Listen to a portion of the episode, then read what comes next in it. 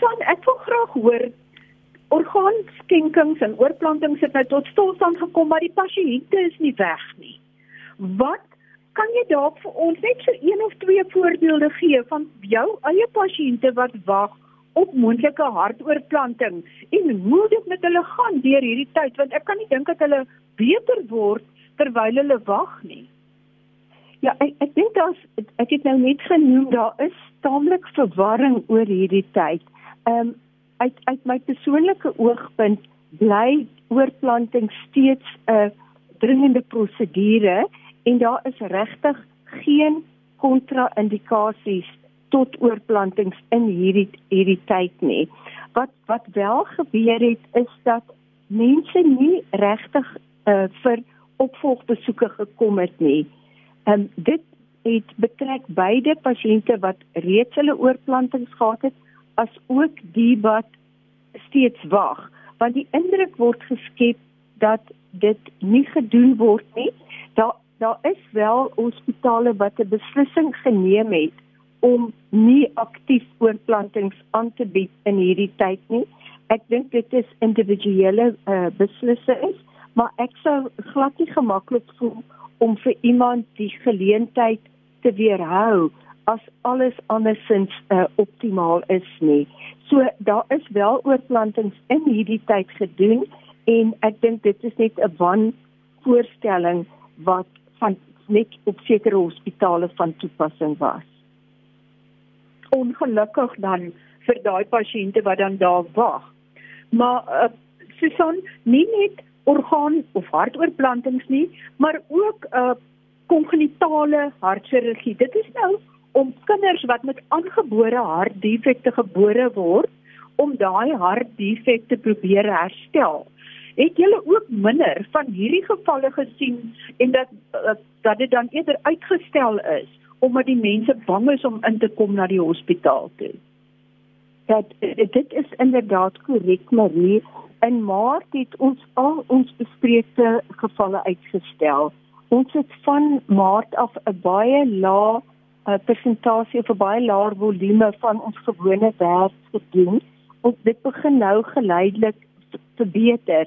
Die die pasiënte is is baie besorg en baie bang om na 'n hospitaal te kom ten spyte van die feit dat veral in kinders die risiko om iets oor te kom baie laag is en dit is oor en oor bewys die hele wêreld oor. Uh, Fiona Klitsinge die pediater wat in ons hospitaal werk het ook verskeie uh, uh presentasies gemaak om dit te illustreer met baie goeie wetenskaplike bewys. Um ons het nie gevoel om om pasiënte te probeer ooreed om na 'n hospitaal te kom in hierdie tyd nie. Ons het beslis uh ek is bewus van pasiënte wat dit nie gemaak het nie as gevolg van die feit dat hulle skrikkerig was of dat hulle prosedures uitgestel is en ek is seker ons het nog nie naaste by die einde daarvan gesien nie. Ehm um, vir my is daar geen twyfel dat die lewenskoste van nie COVID mediese kondisies baie groter is as wat die uh, risiko van mortaliteit as gevolg van die spesifieke virus infeksie ooit kan wees. Ja, navorsers van Panda die private groep voorspel dat die tweede golf eintlik 'n golf van siektes gaan wees wat weens die COVID inperkings styg en nie COVID self nie. So dit is nog 'n probleem wat vir ons wag in die toekoms en jy stem nou saam daarmee. Ja, ek stem baie sterk saam daarmee. Panda se se se ehm um, ehm um, so ondersoeke het het meer gemik op die ekonomiese implikasies en die gevaar van armoede en wanvoeding en en die mortaliteit as gevolg daarvan op die samelewing. Ek dink as mense as mens gaan begin om die nie COVID mediese uh, toestande te evalueer, gaan 'n mens vind dat daar is uh, baie laat presenterende kankers, uh, kroniese siektes soos tuberkulose en HIV, hipertensie en diabetes die opvolg daarvan was ver van ideaal as gevolg van die feit dat mense bang was om na die hospitaal te kom. Daar was ook definitief 'n obstruktiewe toelatings ehm um, toelatingsbenadering van hospitale. Dis nie maklik om as jy sleg voel net 'n uh, eh, uh, eh, mediese hulp in te roep nie. Selfs pasiënte wat moet toegelaat word tot 'n hospitaal, daar is soveel uh, uh, um, dinge wat hulle aan moet voldoen voordat hulle enigsins toegelaat word dat dit is alles ook tydfaktore wat beteken dat in dringende gevalle die die benadering of die hantering nie so glad verloop as wat dit behoort uh, te verloop nie. Ja, Susan, mens voel um, hartoorplantings is nog altyd 'n tipe operasie wat mense aan die hart gryp. En maar dit is nie 'n nuwe operasie nie. Baie mense vra baie keer vir my, "Hoekom gee ons nog so baie aandag aan hartoorplantings?" Dit is nie die volgens wat ek verneem nie tegnies die moeilikste operasie nie, maar dit is die enkele operasie oorplantings waar die publiek se samewerking 100% noodsaaklik is. Vir ander operasies besluit die chirurg en die pasiënt en die pasiënt se familie en die operasie kan geskeduleer word, maar geen oorplanting kan geskeduleer word as die publiek nie saamwerk of bewus is en organe skenk nie. Maar as mens kyk na hartoorplantings, hoe lyk die werklike suksessyfer? Is dit die moeite werd? Ja, ek dink dit is verseker die moeite werd. As 'n mens terugstap, moet 'n mens onthou dat so 'n prosedure word alleenlik voorgestel vir iemand waar daar geen alternatiewe behandelingsmetode beskikbaar is nie. Die ehm um, die uh ehm um, die rede hoekom dit belangrik is om die publieke bewustheid te skep is omdat uh, vir oorplantings is 'n mens totaal afhanklik van skenking van organe om hierdie prosedures uit te voer. Vir elke persoon wat ehm um, afsterf en wat nog ehm um, funksionele ander organe het, kan 'n skenker wees. En hierdie uh, die verlies van so iemand aan sy familie kan uh, daar kan vertroosting wees deur die feit dat die verlies van iemand vir iemand anders lewe aangebied het. Jy was heeltemal reg om te sê dat die meeste prosedures is 'n persoonlike verhouding tussen die ehm um, mediese professionele persoon en die pasiënt. Maar in hierdie situasie is die bewustheid van die publiek uiters belangrik want sonder die bewustheid van die uh, groot voordele en die groot uh, reddings wat deur is orgaanskenking moontlik gemaak word sal hierdie net eenvoudig nie moontlik wees nie. Die waglyste groei uh, uh, meer en meer. Uh, daar is meer aktiwiteit, maar daar is ook altyd meer mense wat wag. Ons um, ons uh, het ook 'n groeiende uh, gemeenskap van kinders en jongvolwassenes wat gebore is met uh, aangebore hartafwykings waar die hart so abnormaal is dat jy wel korrektiewe prosedures kan doen wat vir hulle tyd koop, maar soms as hulle kom by die tweede en die derde dekade, dan is die hart so abnormaal dat daar nie meer uh konvensionele prosedures moontlik is nie. En hierdie is 'n groeiende populasie van pasiënte wat op die ou einde mag hartoortplantings benodig as daar nie meer 'n ander uitweg is nie. Met ander woorde, jy sê dat daar al hoe meer baie komplekse kongenitale chirurgie gedoen word om al hoe moeiliker en ingewikkelder uh, defekte te probeer herstel en dan leef hierdie mense langer sodat hulle eintlik jong volwassenes word maar dat dit dan uiteindelik het hulle dalk ook 'n hartoortplanting nodig. Verstaan ek jou heeltemal reg? Jy jy is heeltemal korrek. Dit is veral die populasie wat mens noem ehm um, enkel ventrikulharte. Dit is eintlik iemand wat gebore word met een hartpompkamer in plaas van twee. Nou in die jare van die 70s en 80s is tegnieke ontwikkel om hierdie mense te laat oorleef en die meeste van die mense oorleef wel en ehm um, die fokus van ehm um, sukses het geskuif van oorlewing uh, waar dit van tevore eintlik wonderlik was as iemand oorleef het met so 'n uh, abnormaliteit het dit geskuif na die kwaliteit van oorlewing. En baie van die mense word uh, volwassenes maar die hart as dit as dit net 'n halwe pompkamer is kan dikwels nie op die lang termyn die sirkulasie uh, goed volhou nie en sulke pasiënte uh, is 'n hele nuwe groep wat dan presenteer as persone wat um, magatplantings benodig. Wat hierdie uh, operasies meer uitdagend maak, is die feit dat meeste van die uh, uh, pasiënte het verskeie vorige operasies gehad. So dit is dikwels 'n moeilike reoperasie. Hulle is dikwels in 'n baie swak kondisie by die tyd wat hulle wel presenteer en hulle is moeilik ook om te hanteer in en om hulle chirurgiese prosedures. Susan, kan jy dalk vir ons bietjie meer vertel van die ehm um, twee kinders wat tans uh, wag op 'n hartoortplanting en die feit dat hulle 'n uh, L werd het. Dit is 'n dit is 'n jy kan maar sê 'n kindshartjie of 'n kindspompkamer wat aan die linker pompkamer van die kind gekoppel word sodat daar dan wel bloedvloei deur sy liggaam is. Dink jy dat daar al meer van hierdie assist devices van die staan vir left ventricular assist device uh, gebruik sal word uh, as 'n tussenstap of dalk as 'n finale stap? Ja, die die meganiese en meganiese ondersteuning van die sirkulasie is iets wat baie vordering gemaak het oor die laaste 20 jaar min of meer.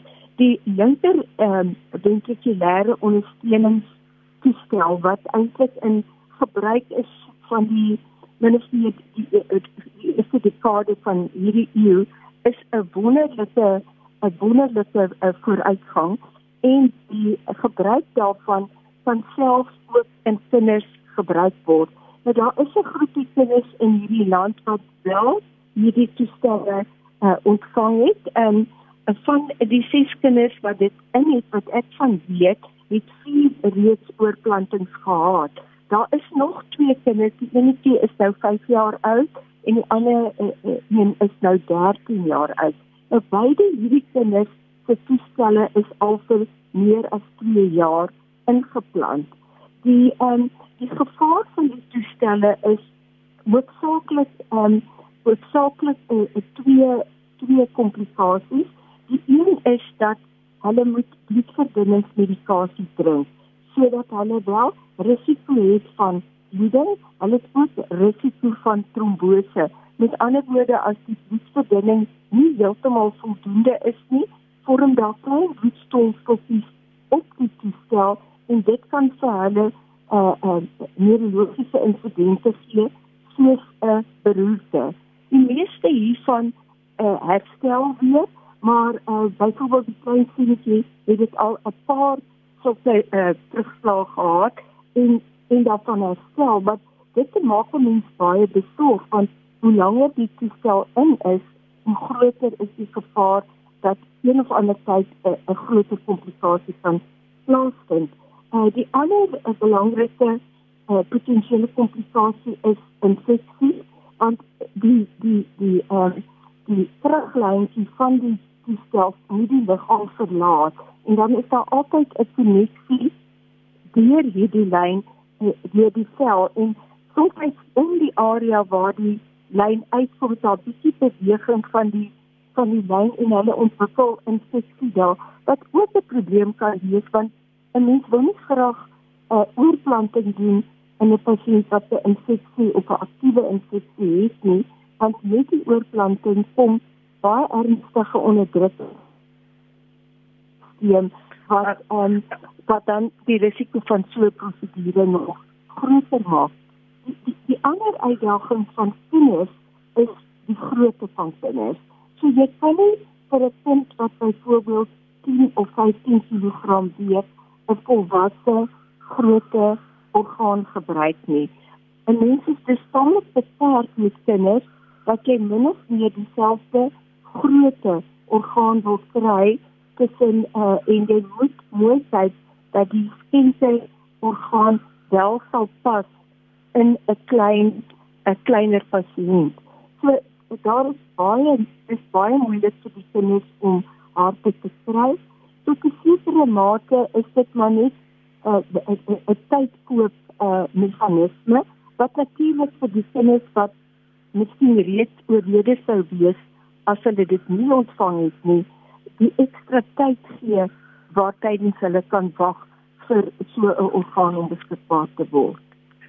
Met ander woorde, jy sê hierdie twee kindertjies, die 5-jarige en die 13-jarige het eintlik relatief vinnig 'n hartoortplanting nodig, met ander woorde 'n skenkerhart. Absoluut. Hulle het dit eintlik nodig vandat hulle die 'n uh, uh, toestel op die ondersteuningssisteem gekry het, maar voor jy weet, is 'n jaar verby en nog 'n jaar verby.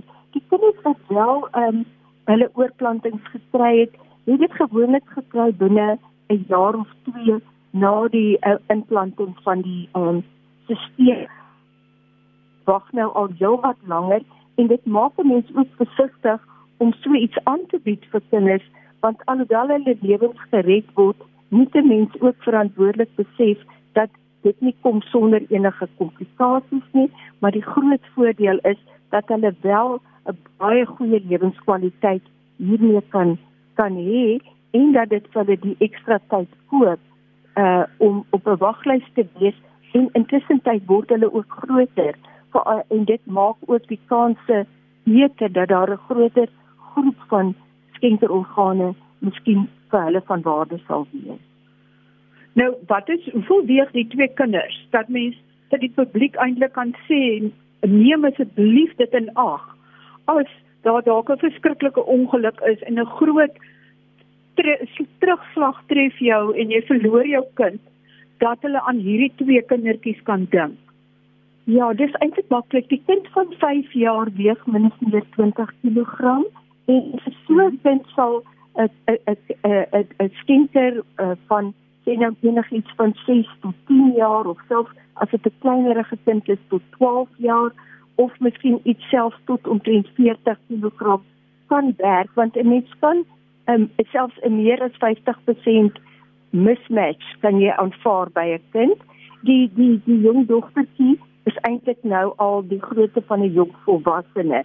So enige klein geboude volwassene se organe mag geskik wees en dan kyk die mens natuurlik wat hulle bloedgroepe is wanneer so 'n orgaan beskikbaar raak om te sien of dit moontlik vir, vir hulle kan pas. Susan net voordat ek afsluit wil ek net vir die luisteraars sê, gaan kyk gerus op RSG se webwerf. Ehm um, ek het daar 'n storie gelaai, ek sal nou nou die pot gooi bysit, maar daar's interessante webwerwe waarna toe jy kan gaan vir interessante inligting en dit is baie duidelik daar uitgespel. Die een is www.organdonors.co.za wat baie goeie en volledige inligting het oor oorplantings en ook raad vir mense wat wag en mense wat reeds oorplantings gekry het. En dan is daar ook 'n skakel na Foxwood TV waar daar verskeie programme oor orgaanoorplantings is waarna die mense weer kan kyk. En daarmee wil ek vir jou vra Susan, as jy 'n finale boodskap het wat jy wil hê mense moet onthou oor orgaanoorplantings en miskien spesifiek hartoorplantings, wat is dit wat jy wil hê mense moet van kennis neem? Ja, ek dink hierdie maand wat Augustus is, is Vrouensmaand en jy weet terselfdertyd wat daar 'n uh, bewustheid is van vrouens en van geweld teen vrouens, moet 'n mens onthou dit is ook orgaanstigtingsmaand. En hierdie is die maand waar 'n mens bewustheid meer wil maak uh, vir orgaanskenking Maar die mees belangrike wat ek van graag wil sê, is dat 'n mens moet onthou dat sonder skenkers is oorplantings net eenvoudig nie moontlik nie. En in die hele proses bly die skenker en veral die familie van die skenker wat so 'n dapper besluit neem, bly die helde van die proses en daar is honderde mense, duisende mense wêreldwyd wat wat dit verskriklik baie waardeer en ons ook wat die werk doen is is altyd baie dankbaar vir hierdie mense wat bereid is om so iets te doen in 'n traumatiese situasie. Baie baie dankie Susan Vosloo, was my gas vandag. Sy's 'n bekende Kaapstadse hartchirurg wat is met 'n spesiale belangstelling in kinderhartchirurgie en hartoorplantings en ook natuurlik ander tipe hartchirurgie. En ek wil ook baie dankie sê van almal, alle familielede wat al organe geskenk het en toestemming gegee het vir orgaanskenking. En asseblief hou hierdie kindertjies in gedagte as 'n verskriklike terugslag jou tref dat dit kan dalk vir hulle 'n nuwe lewe beteken. Ek gesels volgende week oor na aanleiding van professor Pieter Biel wat so in hegtenis geneem is en in 'n vangwa gegooi is oor die kriminalisering van dokters. Weet waarom word prosesse nie gevolg nie en hoe gebeur dit dat as 'n dokter se pasiënt sterf, hy sommer geboei kan word en in 'n vangwa gegooi kan word. Volgende week is dit my onderwerp. Tot volgende week dan. Groete van my, Marie Hudson.